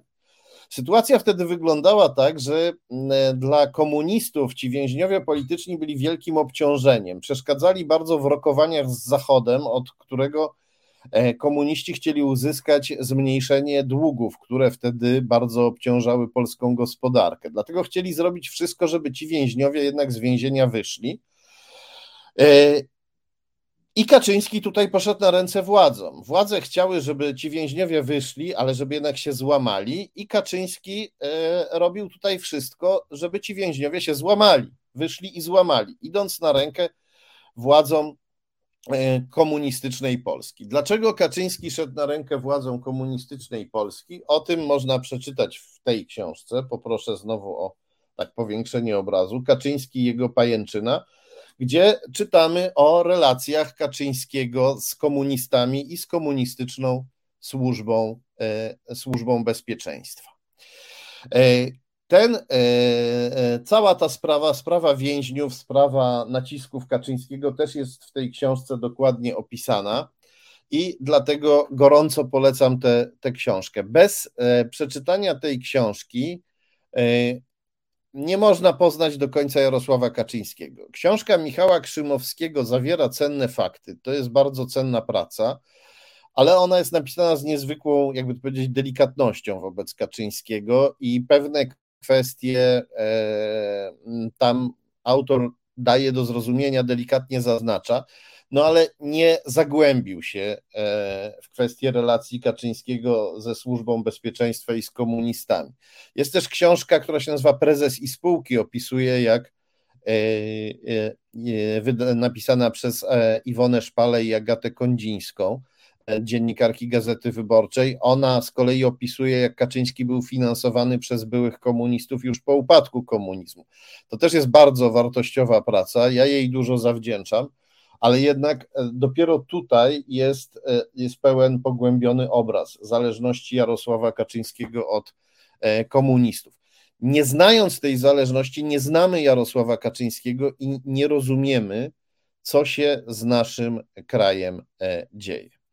I pomyślałem, że pewną ilustracją, pewnym, pewne światło na to, kim jest Jarosław Kaczyński, może e, rzucić kwestia jego e, stosunków z e, rodziną, którą miał w Związku Sowieckim, którą odwiedzał za czasów, już odwiedził ją za, za czasów komunizmu po raz pierwszy w 1967 roku, kiedy pojechał do Odessy jako młody człowiek. I oczywiście tutaj od razu zaznaczam, że posiadanie rodziny w Związku Sowieckim nie jest samo w sobie jeszcze niczym obciążającym. E, nie, e, nie, e, to jeszcze nie stanowi żadnej sensacji, ani nie, nie rzuca żadnego cienia na Jarosława Kaczyńskiego. Wielu z nas może mieć dalszych krewnych, na przykład na tych terenach. To wynika też z naszej, z naszej historii. Jednak jest jeśli chodzi o relację Kaczyńskiego z tą rodziną, no jest parę informacji, które budzą co najmniej zastanowienie. Poproszę o skan numer 4. To jest e, fragment e, artykułu e, jednej z ukraińskich gazet. Jeśli dobrze pamiętam, to jest gazeta, to jest rosyjskojęzyczna gazeta Siewodnia, jeśli dobrze pamiętam. I co, co w tej gazecie czytamy? Jest tam artykuł. Gazeta ta opublikowała artykuł w roku 2010. E, e, tak, to jest rosyjskojęzyczna gazeta ukraińska Siewodnia i w tym artykule czytamy, co następuje. Przypomnijmy, że w Ukrainie żyje czterech kuzynów głowy państwa polskiego. Opowiada Władimir e, Mochnaczew, czy też jeśli czytać go z rosyjska, Mochnaczow. Opowiada Władimir Mochnaczew, który pracuje w Połtawskim Obwodowym Wydziale Służby Zdrowia. I pan Mochnaczew mówi tak. E, w Wielkanoc 2010 roku, jeśli do, no tak wynika z artykułu, że chodzi o 2010 rok, w Wielkanoc zadzwoniłem do Le Leszika, czyli do Leszka, do Lecha Kaczyńskiego. Umówiliśmy się na spotkanie w maju w Łodzi, Lech i Jarosław chcieli zebrać tam wszystkich krewnych. I artykuł dalej opisuje, jak to pan Mochnaczew i inni ukraińscy krewni Jarosława Kaczyńskiego się z nim kontaktowali regularnie od lat 60., ale także w naszych czasach. E, czytamy, że e, czy pan Mochnaczew mówi, mówi tak. Nawet wtedy, gdy na, na poważnie zajęli się polityką, widywaliśmy się co roku. Pojechałem do nich do Polski. Byłem i w pałacu prezydenckim, gdzie mieszkał i pracował Lech. A kiedy przyjeżdżali do Kijowa, nawet w randze prezydenta i premiera, to mimo wszystko znajdowali czas dla rodziny. Teraz przeglądam archiwum rodzinne, chcę znaleźć nasze wspólne zdjęcia z dzieciństwa z Leszikiem, czyli z, z Lechem Kaczyńskim. Czyli jak widać, pan Mochnaczew to nie jest tylko odległy krewny Jarosława Kaczyńskiego, to jest dobry znajomy, krewny i dobry znajomy, z którym się utrzymuje regularne, zażyłe stosunki. E, e, pan Mochnaczew mówi: Pojechałem do nich do Polski. To brzmi tak, jakby pojechał raz, ale mówi: Widywaliśmy się co roku, więc to brzmi tak, jakby Jarosław i Lech Kaczyński co roku przyjeżdżali na e, Ukrainę i go odwiedzali. I w związku z tym postanowiłem się przyjrzeć temu, kim jest pan, kim jest pan Mochnaczew, czy też pan Mochnaczow, jeśli czytać go z rosyjska. Znalazłem go na Facebooku. Poproszę o kolejny skan. To jest właśnie jeden z wpisów pana Mochnaczewa, gdzie on tutaj e, w 2021 roku e, e, w rocznicę urodzin zamieszcza portrety obu braci, Lecha i Jarosława Kaczyńskiego, chwaląc się swoim związkiem z nimi. No ale znalazłem też inny wpis pana Mochnaczewa. Poproszę o kolejny skan. Wpis pana Mochnaczewa, w którym on pisze e, o Związku e, Sowieckim, o tym, jak wyglądało życie w imperium Kremla, w, w sowieckim imperium Kremla, w sowieckim komunizmie, według pana Mochnaczewa, zachwyconego Jarosławem i Lechem Kaczyńskim, jego krewnymi i dobrymi znajomymi. Pan Mochnaczew pisze tak dobre wspomnienia przeszłości e, wzbudzają zachwyt, wiarę e, w udaną walkę ze sklerozą i nadzieję na zachowanie rdzenia osobowości. Ze wspomnień o ZSRR. Kto nie wiedział, nie, dla, e, dla, tych, kto, nie, niektórzy nie wiedzą, nie pamiętają, zapomnieli o ojczyźnie albo ulegli pieriestrojce. Pieriestrojka, jak wiemy, to była taka próba liberalizacji i zbliżenia Związku Sowieckiego do Zachodu pod koniec lat 80. Najwyraźniej ją tutaj pan Mochnaczew potępia. I dalej opisuje e, rzeczywistość e, e, sowiecką tak. Przyjaźniliśmy się, bo trudno było żyć bez siebie, bez, bez przyjaciół. I wyznawaliśmy patriotyzm za darmo, E, bo byliśmy dumni z państwa. A e, zdradę widzieliśmy jako podłą, tchórzliwą i nieuczciwą. Mężczyźni byli mężczyznami, kochali prawdziwe kobiety, które rodziły dzieci, a za nazwanie kogoś słodką dziewczyną nie było się oskarżonym o seksizm. Nieliczni przedstawiciele gejów, lesbijek, biseksualistów i transwestytów nie, e, E, grupowali się e, w towarzystwa e, wzajemnego adorowania swego bezpłodnego wykluczenia. I oddzielanie płci albo dyskryminacja płci była normą, za to równość narodów i ludów była prawem. No jak wiemy, nie było żadnej równości narodów i ludów w Związku Sowieckim. Rosjanie gnębili inne narody. E, homoseksualistów e, skazywano na obóz koncentracyjny tylko za to, że byli homoseksualistami. E, I tu możemy sobie powiedzieć, że no to może nas nie dziwi, że pan Mochnaczew o takich poglądach się dobrze dogadywał z braćmi Kaczyńskimi, a oni z nim i nie wstydzili się. No bo wiemy, kim jest Jarosław Kaczyński. Wiemy, że jest e, człowiekiem e, mocno związanym z Moskwą i jest człowiekiem wypromowanym przez komunistów. Ale dla pisowców, pisowcom to powinno dać e, do myślenia. Ta zażyłość Jarosława Kaczyńskiego z jego ukraińskim, czy też raczej wypadałoby powiedzieć sowieckim kuzynem Mochnaczewem. Poproszę o kolejny skan. Mam tutaj jeszcze jeden e, wpis pana Mochnaczewa.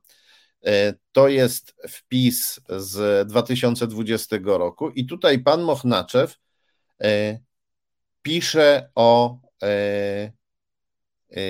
Ukrainie i mówi, że Ukraina, jego bądź co bądź ojczyzna, to nihilizm, to niekompetentny rząd, to e, e, e, nieprzejrzysta polityka i że w Ukrainie jest robione wszystko, żeby e, rozwalić to państwo.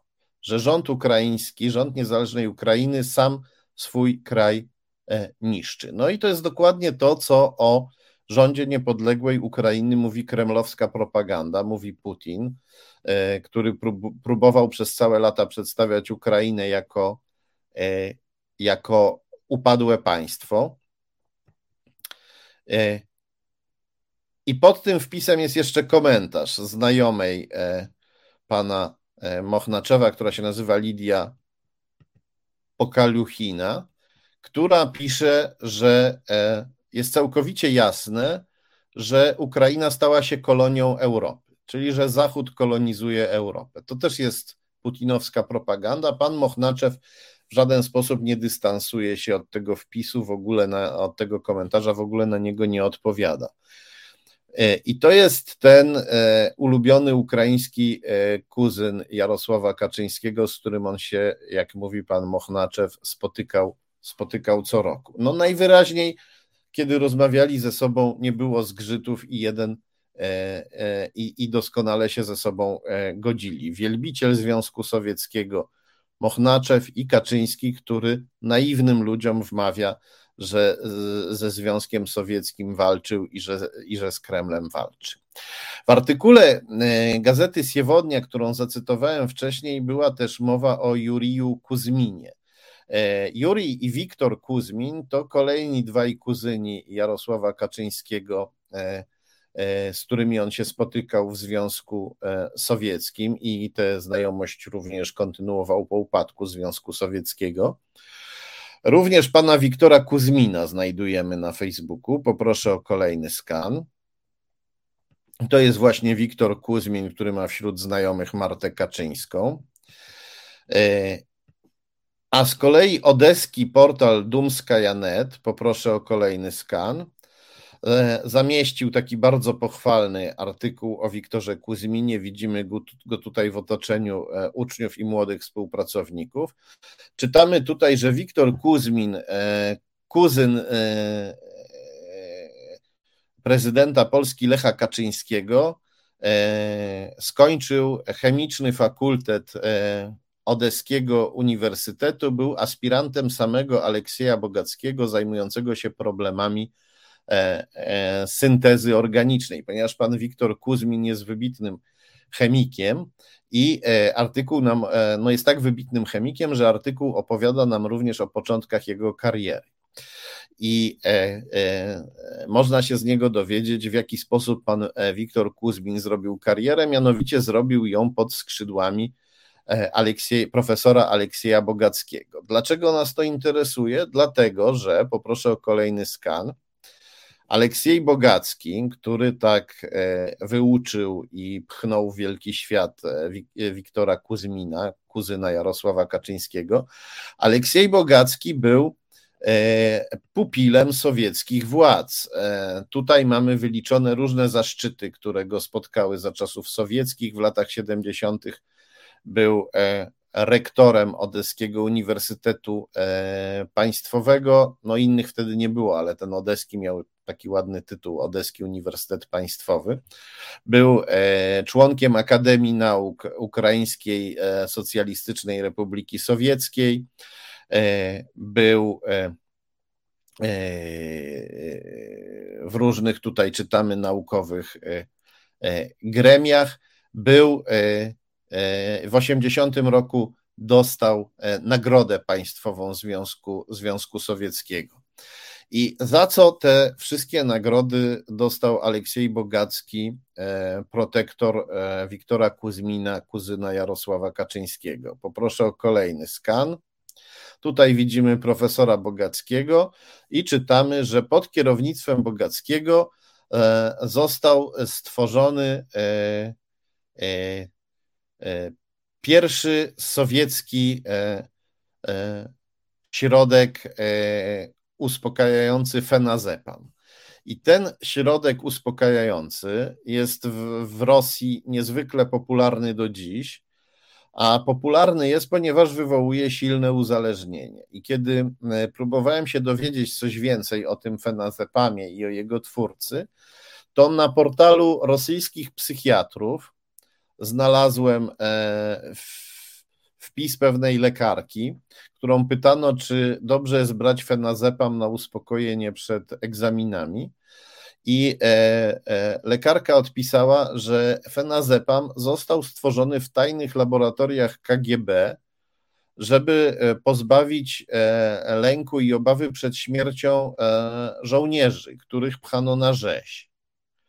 I i lekarka stanowczo odradza branie fenazepamu, szczególnie przed egzaminami, ponieważ mówi, że e, student przystępujący do egzaminu pod wpływem fenazepamu zapomni wszystko e, e, za wyjątkiem swojej, swojego nazwiska i adresu.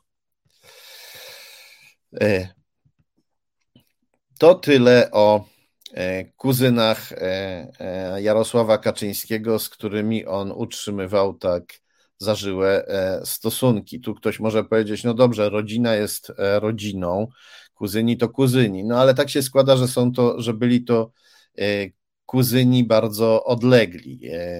No tu można mówić o pokrewieństwie trzeciego stopnia i żyjący w innym kraju. A mimo to Jarosław Kaczyński z nimi zażyłe stosunki utrzymywał włącznie z wielokrotnym przekraczaniem granic, po to, żeby kuzyni mogli się ze sobą e, spotkać i stosunki te nawiązał już jako bardzo młody człowiek w 1967 e, roku. Tak naprawdę nie wiemy, jak często Jarosław Kaczyński za czasów e, sowieckich jeździł do Związku Sowieckiego, ponieważ teczka Jarosława Kaczyńskiego, teczka paszportowa jest utajniona E, wiemy, że istnieje, znamy nawet jej sygnaturę Instytutu Pamięci Narodowej. Mówiłem o tym w jednej z wcześniejszych e, audycji, ale niestety nie mamy do niej wglądu. Najprawdopodobniej spoczywa w jakiejś szafie pancernej Agencji Bezpieczeństwa Wewnętrznego.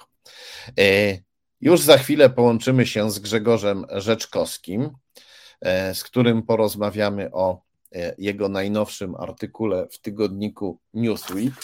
Gorąco polecam ten e, numer e, Newsweeka, a przede wszystkim gorąco polecam artykuł Grzegorza Rzeczkowskiego Bratnia pomoc dla Marka F. Chodzi oczywiście o Marka Falentę. Grzegorz Rzeczkowski znalazł kolejny rosyjski trop w tej aferze.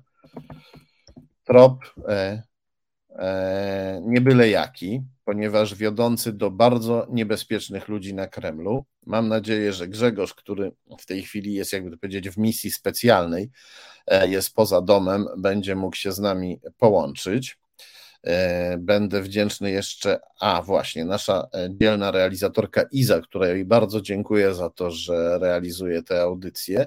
E, w tej chwili się próbuję z Grzegorzem połączyć, a ja powiem Państwu w kilku e, słowach, o co, o co chodzi. Jeżeli Iza, jeżeli Iza mnie słyszy w tej chwili, bo wiem, że Iza próbuje dzwonić do Grzegorza. O, tak, chciałem poprosić o skan. To jest fragment filmu, e, klatka z filmu, kadr z filmu opublikowanego przez wydawnictwo e, Arbitror e, na kanale YouTube, YouTube wydawnictwa Arbitror. I to są zeznania Marka Falenty złożone w marcu 2020 roku. Ja go wtedy przesłuchiwałem jako strona w sprawie cywilnej. Falenta był tam świadkiem. I pytałem Falentę e, między innymi o to, jak e, w jaki sposób Rosjanie odzyskują od niego długi, ponieważ Falenta, jak wiemy, wziął wielką ilość węgla na kredyt, zanim, e, zanim przystąpił do działań mających na celu publikację nielegalnych nagrań kompromitujących prozachodnich polityków. Wcześniej wziął wielką ilość węgla na kredyt od Rosjan. No i ten dar, twierdzi Falenta, okazał się darem zatrutym, ponieważ e, w związku z tym powstał dług i jak mówi Falenta, Rosjanie prowadzą egzekucje, zajęli dom Falenty, zajęli wszystkie udziały w spółkach, prowadzą postępowanie karne wobec Falenty, wyczerpują wszystkie instrumenty dostępne prawnie, przenieśli też zobowiązania cypryjskiej spółki Falenty na, na Falentę jako na osobę fizyczną. No i jak widać, Rosjanie tutaj sobie bardzo e, dziarsko poczynają w polskich sądach i w cypryjskich sądach, skoro coś takiego uzyskali, jeśli Falenta mówi prawdę. A tymczasem z artykułu Grzegorza Rzeczkowskiego wynika, że ludzie związani z Rosją pomogli Falencie uratować część e, majątku. Czy Falenta kłamie w tym przypadku? Niekoniecznie. Może być tak, że e, jedni Rosjanie bardzo ostro egzekwują od niego długi, a inni pomagają mu ratować majątek. Dlaczego? No po to, żeby mieć na Marka Falentę i kij, i marchewkę. Marek Falenta jest dla Rosjan bardzo cenny, ale jest też pewnym zagrożeniem. No, gdyby e, Marek Falenta zaczął mówić to wszystko, co wie o udziale Rosjan w aferze taśmowej, to mógłby wywrócić do góry nogami polską, e, polską politykę. A on najwyraźniej i Rosjan się boi, a z drugiej strony ma też wobec nich długi wdzięczności, ma wobec nich wszystkie możliwe długi, i te finansowe, i długi wdzięczności, więc prawdopodobnie jest przez Rosjan prowadzony na, jakby to powiedzieć, na dwóch smyczach nawet, a nie, a nie na jednej. E, e, w artykule Grzegorza Rzeczkowskiego czytamy, e, że o, właśnie zaraz się chyba z nami połączy Grzegorz Rzeczkowski. W artykule Grzegorza Rzeczkowskiego czytamy, że Falenta zdołał uratować część swoich zasobów, zasobów swoich firm przy pomocy Piotra W. Poproszę o kolejny skan, kolegi biznesmena, którego zaraz zobaczymy, tak, to on, to Piotr, e, to Piotr e, W. A Piotr W. E, operując pieniędzmi, uratowanymi zasobami majątkowymi Falenty, wszedł w dość dziwny układ z pewnym człowiekiem, który zamieszkał, który wywodził się z Charkowa, z, jeszcze urodził się w sowieckim Charkowie, a potem zamieszkał w Stanach Zjednoczonych i w końcu w Dubaju. Ten dziwny człowiek nazywa się Alek Fesenko. Poproszę o kolejny skan. E, dlaczego mówię, że dziwny? No bo układy, układ między Piotrem W. a panem Fesenką jest, jest dziwny, bo pan Fesenko pożycza od pana W. pieniądze, a później te pieniądze do pana W. E, wracają w wyniku zleceń, które pan e, Fesenko składa w wyniku zadań, które pan Fesenko zleca innym firmom i opłaca. To jest taka tam plątanina finansowa. Widać, że panowie są dość mocno ze sobą finansowo splątani, a to jest dla nas istotne, dlatego że poproszę o kolejny skan. E, to jest fragment e, CV, czyli profesjonalnego życiorysu, pana Fesenki. Pan Fesenko tutaj się chwali, że był E, wysokiej rangi menedżerem w e, firmie Czerkizowo, w grupie Czerkizowo. To jest wielki potentat mięsny, wielki rosyjski potentat mięsny. I poproszę o kolejny skan. E, Czerkizowo należy w części do niejakiego Igora Babajewa. A pan Babajew, może go pokażemy. Następny skan to jest właśnie zdjęcie pana Babajewa. O tak właśnie wygląda pan Babajew. Pan Babajew e, robi, e, prowadzi swoje biznesy e, pod skrzydłami, pod ochroną ministra rolnictwa Dmitrija Patruszewa. Poproszę o kolejny skan. To jest fragment artykułu, który to opisuje. A pan Patruszew tak się składa, może go pokażmy też, bo mamy jego zdjęcie. Pan Patruszew to nie tylko absolwent uczelni e, służb specjalnych e, rosyjskich FSB, pan Patruszew to również syn, poproszę o kolejny skan, to również syn Nikołaja Patruszewa, którego zaraz może pokażemy. O tak. To ten e, wyższy mężczyzna po lewej, bo tego niższego po prawej wszyscy, wszyscy znamy.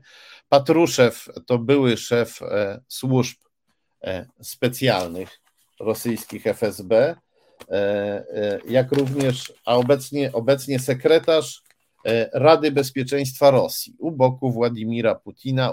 Patruszew jest uważany za jednego z najbardziej zajadłych jastrzębi, zwolenników wojny. E, czy e, już możemy się połączyć z Grzegorzem Rzeczkowskim? O, no to zapraszam Grzegorza Rzeczkowskiego do studia, to się chyba wreszcie uda.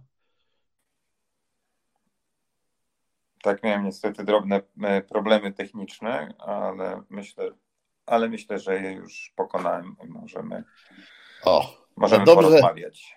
Dobrze Cię widzieć. To może tak na początek i bardzo się cieszę, że ten artykuł się e, e, w Newsweeku pojawił. E, numer jest już w kioskach. Czy możesz nam bardziej szczegółowo opowiedzieć, bo ja tutaj tak rzuciłem tylko główny zarys. Czy możesz nam szczegół, bardziej szczegółowo opowiedzieć, o jakim tutaj powiązaniu między klanem Patruszewów, a przyjaciółmi Marka Falenty mówimy? To jest dobre pytanie. To jest bardzo dobre pytanie. Ja y, wcisnąłem przez chwilę pauzę, no, dlatego że rzeczywiście y, badając tę sprawę od tylu lat, y, nie myślałem, że będę w stanie wpaść jeszcze na takie ślady, na takie informacje, bo wydawało się, że w tej sprawie już jest właściwie wszystko albo wiele rzeczy wyjaśnionych na tyle, ile, na ile może to zrobić dziennikarz, który nie posiada narzędzi operacyjnych. Wydawało się, że już nie ma nic, co jest w zasięgu właściwie ręki e, co można znaleźć nowego. Natomiast okazało się to mylące. Mm, okazało się to przekonanie mylące i okazało się, że właśnie na wyciągnięcie ręki są informacje, które wskazują na to, że e, za tą całą operacją, czy z całą tą operacją związani są ludzie, e, którzy stoją znów po raz kolejny, nie po raz pierwszy, blisko e, rosyjskiej władzy. E, kluczową postacią jest tu, tak jak wspomniałeś e, w swojej wcześniejszej wypowiedzi, Alek Fesenko. Alek Fesenko, emigrant czy syn emigrantów ze Związku Radzieckiego, który w wieku 13 lat w 1989 roku e, wyjechał, czy nawet, przepraszam, nie 13, tylko 16 lat, wyjechał z rodzicami do Stanów Zjednoczonych. Tam skończył studia, e, konkretnie mm, e, George Washington University. Tam poznał Piotra W., tam poznał niejakiego Mohameda H., Tunezyjczyka, robiąc z nimi interesy przez lata, jak przyznał z Piotrem W. przez 20 lat. Sam robił karierę najpierw w Stanach Zjednoczonych, potem w Londynie, a potem znalazł się właśnie w Czerkizowo e, na początku lat 2000 i do dzisiaj jest tym Czerkizowo związany, o czym, czego sam nie przyznaje. Nawiązałem z nim kontakt, on o tych relacjach nie, pis, nie napisał. Kiedy zadałem mu pytanie o jego związki biznesowe, E, z panem Babajewem i jego synami. Natomiast wiadomo, że te związki biznesowe są. On przejął od nich dużą grupę inwestycyjną, która inwestowała w Polsce, zainwestowała w Polsce 14 spółek. Te spółki, niektóre z nich do dziś istnieją, prowadzą działalność, między innymi deweloperską. Pan Fesenko jest nadal z Polską związany i tu prowadzi swoje biznesy. Jest też, też związany z Piotrem W., który no, ma trochę rzeczy, jak twierdzi prokuratura, na sumieniu, konkretnie stworzenie piramidy finansowej, na którą dało się nabrać ponad 2000 osób. Poszkodowani są na sumę ponad pół miliarda złotych. Pan e, Fesenko związany z Babajewami, a Babajewowie, jak można przeczytać w rosyjskim internecie, to ludzie blisko z kolei związani z Dmitrijem Patruszewem, synem wszechmocnego Nikołaja, przyjaciela Putina. Dmitrij Patruszew to absolwent szkoły FSB, Akademii FSB, obecny minister rolnictwa, niegdyś wpływowy e, prezes, szef, nomen omen banku rolnego. Tu, tutaj historia nikodematyzmy się kłania, chociaż tu niewiele e, to ta historia, ta historia związana z Markiem Falentą, z dyzmą ma wspólnego, no może przez postać samego Marka Falenty. E, natomiast e, wracając do meritum, no, rzecz można powiedzieć dziecinnie prosta. Kiedy w 2015 roku do akcji wkroczył komornik, w ciągu miesiąca okazało się, że ludzie Aleka Fesenki są gotowi odkupić akcje spółki Hawe e, od e, Marka Falenty. I gdy poprzez cypryjskie firmy, poprzez serię transakcji, pożyczek, e, i gdy komornik próbował zająć aktywa Marka Falenty, okazało się, że on już niczego nie ma, że wszystkich aktywów się pozbył. Mm. Jednak bardzo szybko, bo po dwóch czy trzech tygodniach od tego, jak Marek Falenta pozbył się e, części swoich aktywów, te aktywa znalazły się w rękach innej cypryjskiej spółki, za którą stoją jego krewni. I właściwie na tym można cały opis zakończyć. Cała historia. Wszystko zostaje w rodzinie, tak? W rodzinie nic nie ginie. Tak, to, tak można to spuentować. No tak, ale dzieje się to przy pomocy Piotra W., który ma e, poplątane biznesowe układy z panem Fesenką, a ten e, jest związany z e, rosyjskim potentatem mięsnym, któremu patronuje FSB-owsko-kagiebowski klan Patruszewów, włącznie z samym Nikołajem, sekretarzem Rady Bezpieczeństwa Rosji, byłym szefem FSB. I jakby to powiedzieć, no, z której strony nie spojrzeć w aferze e, taśmowej, to e, wszędzie tam znajdujemy Rosjan, a w tym przypadku znalazłeś no, Rosjanina niezwykle potężnego, potężniejszego nawet niż ci potentaci węglowi z Syberii i ich protektorzy, którzy dali Falencie węgiel. Czy to, to tworzy wrażenie, jak gdyby Falenta był niezależnie od swoich walorów intelektualnych i, i, os, i osobistych, jakby Falenta był dla Rosjan niezwykle ważnym pionkiem, którego ze wszystkich stron otaczają potężne figury, po to, żeby mu się zbytnia krzywda nie stała i także po to, żeby on sam jakiegoś niekontrolowanego ruchu nie wykonał. Generał Piotr Pytel, czyli były szef e, służby kontrwywiadu wojskowego, z którym Przeprowadziłem dzisiaj krótki wywiad dla Newsweeka. Zapraszam Państwa do lektury jutro na stronie newsweek.pl. E, powiedział, że Falenta musi być ważnym aktywem dla Rosjan e, ze względu na jego potencjał destabilizacyjny w kraju. E, bo to nie tylko kwestia oskarżeń, jakie on kieruje wobec Donalda Tuska czy, czy, czy wobec Platformy, ale też to, ta, ta możliwość uderzenia w obecnie rządzący obóz. Przypomnijmy sobie listy, które wysyłał Marek Falenta do Jarosława Kaczyńskiego, do prezydenta Dudy, w których wskazywał wprost że PiS jest w tą aferę uwikłany, że ludzie PiS mu coś obiecywali, e, czego się nie wywiązali. Więc e, te listy pokazują, że Marek Falenta może mieć dosyć szeroką i bardzo niewygodną wiedzę, e, która mogłaby zaszkodzić Prawu i Sprawiedliwości. Najdziwniejsze zaś w tej sprawie jest to, um, jest co innego, to znaczy znowu po raz kolejny, po tym jak odkryłem e, oskarżenia Marcina W. wobec Marka Falenty, przypomnę Marcin W., wspólnik Falenty w składach węgla, który oskarżył Falentę o to, że sprzedał, pod, sprzedał Rosjanom e, nagrania z warszawskich restauracji.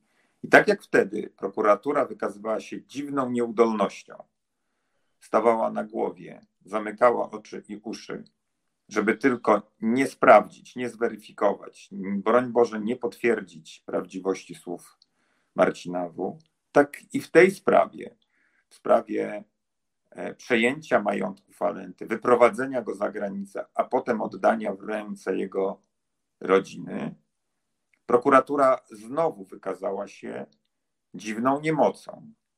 Ta sama prokuratura przecież, która ścigała Krzysztofa Brejzę, jego ojca, e, obecnie pani prokurator Wrzosek e, i wielu, wielu innych, która, która e, skrupulatnie potrafi wyłuskać z nagrań dokonanych Pegasusem, czy zarejestrowanych Pegasusem, różne sformułowania słowa, zdania, nie jest w stanie, nie jest w stanie pójść tropem, który wskazują sami, same organa ścigania, bo te tropy, te powiązania e, wynikają z analizy kryminalnej, którą wykonali policjanci z Komendy Wojewódzkiej Policji w Gdańsku e, i e, policjanci z Centralnego Biura Śledczego Policji w Bydgoszczy.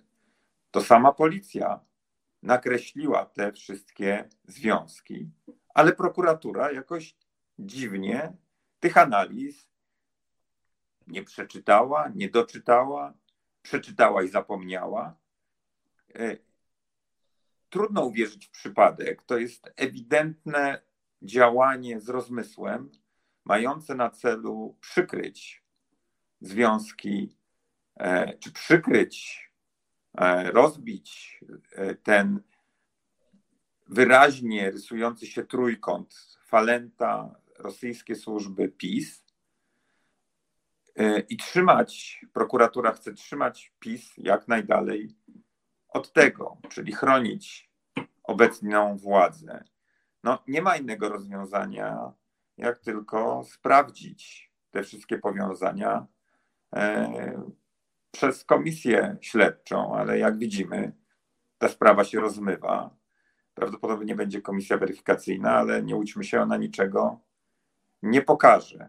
Bo to jest zupełnie coś innego. Nie, komisja weryfikacyjna nie ma takich uprawnień jak komisja śledcza. Nie wiadomo do końca, jakie miałaby mieć uprawnienia. A poza tym no, widać, że intencją tej komisji będzie znowu szczucie na opozycję. No to widać po tym, co mówi Jarosław Kaczyński. No będziemy tutaj... świadkami badania od drugiej zupełnie strony E, jakichś spraw, nie wiemy jakich, pewnie związanych e, z rządami PO, no bo komisja ma zacząć swoją pracę od analizy właśnie działań w sektorze energetycznym, trochę się uśmiecham, od 2007 roku, czyli będzie badała, można powiedzieć w skrócie, aferę podsłuchową 6 lat przed tym, kiedy zostały zainstalowane pierwsze podsłuchy. No, to jest po prostu jakieś absolutne kuriozum. E, i e, no to jest dowód na to, że PiS próbuje e, zakopać tego trupa, który wypada im z szafy jak najgłębiej, żeby im, broń Boże, nie wypadł i nie, żeby opinia publiczna nie zobaczyła, co tak naprawdę PiS ma na sumieniu. A tu tymczasem uparty Grzegorz Rzeczkowski chodzi dookoła tej szafy i z której strony nie stuknie, to kolejny trup wypada. No, jest to dosyć zastanawiające rzeczywiście, jak wiele trupów z tej szafy pod, pod tytułem Afera podsłuchowa wypada z szaf na Nowogrodzkiej. Bardzo Ci dziękuję za rozmowę i za ten artykuł. Polecam e, najnowszy numer Newsweeka i do zobaczenia. Dziękuję bardzo, dziękuję Państwu. Do zobaczenia. Ja również z Państwem będę się zaraz żegnał, bo za chwilę prawoteka, ale ogromnie Wam dziękuję za to, że jesteście. Przypominam o lajkach, przypominam o łapkach. Kto jeszcze nie dał łapki, niech da łapkę, bo dzięki temu, dzięki Waszym lajkom, więcej osób zobaczy tę transmisję. Gorąco dziękuję wszystkim, którzy udostępniają link do tej transmisji, wysyłają linki do naszych transmisji znajomym, to jest bardzo cenne. Gorąco dziękuję wszystkim, którzy nas wspierają, wpłacając na nasze konto na portalu zrzutka.pl, wpłacając bezpośrednio na konto Fundacji Arbitror i przede wszystkim dziękuję tym, którzy nas wspierają w serwisie Patronite, bo tam można zlecać stałe wpłaty.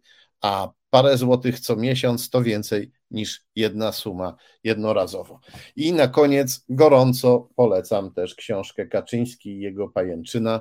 Zbliżają się święta, to dobry czas, żeby wręczyć prezent jakiemuś wujowi czy siostrzeńcowi, który jest nie do końca zdecydowany, nie wie na kogo ma głosować, a przede wszystkim nie wie, co ma myśleć o tym, co się dzieje, co się dzieje z Polską. Na pewno takich ludzi znamy, wielu z nas niestety jest zagubionych i dlatego gorąco polecam tę książkę, ale nie myślę tutaj wyłącznie o przedświątecznej sprzedaży. Wiem, że z pieniędzmi bywa ciężko, coraz ciężej u nas. Święta będą skromne, bo polski pieniądz straci wartość, więc jeśli e, nie stać Was na kupienie tej książki w prezencie komuś, to bardzo gorąco Wam dziękuję również za to, że upowszechniacie, za upowszechnianie treści zawartych w tej książce na wszystkie możliwe sposoby.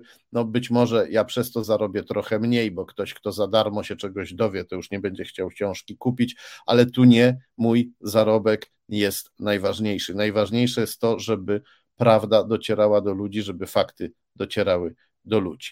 Gorąco, serdecznie Wam Dziękuję za wszystko, co robicie, za to, że jesteście. Już za chwilę prawoteka, a my widzimy się za tydzień. Do zobaczenia.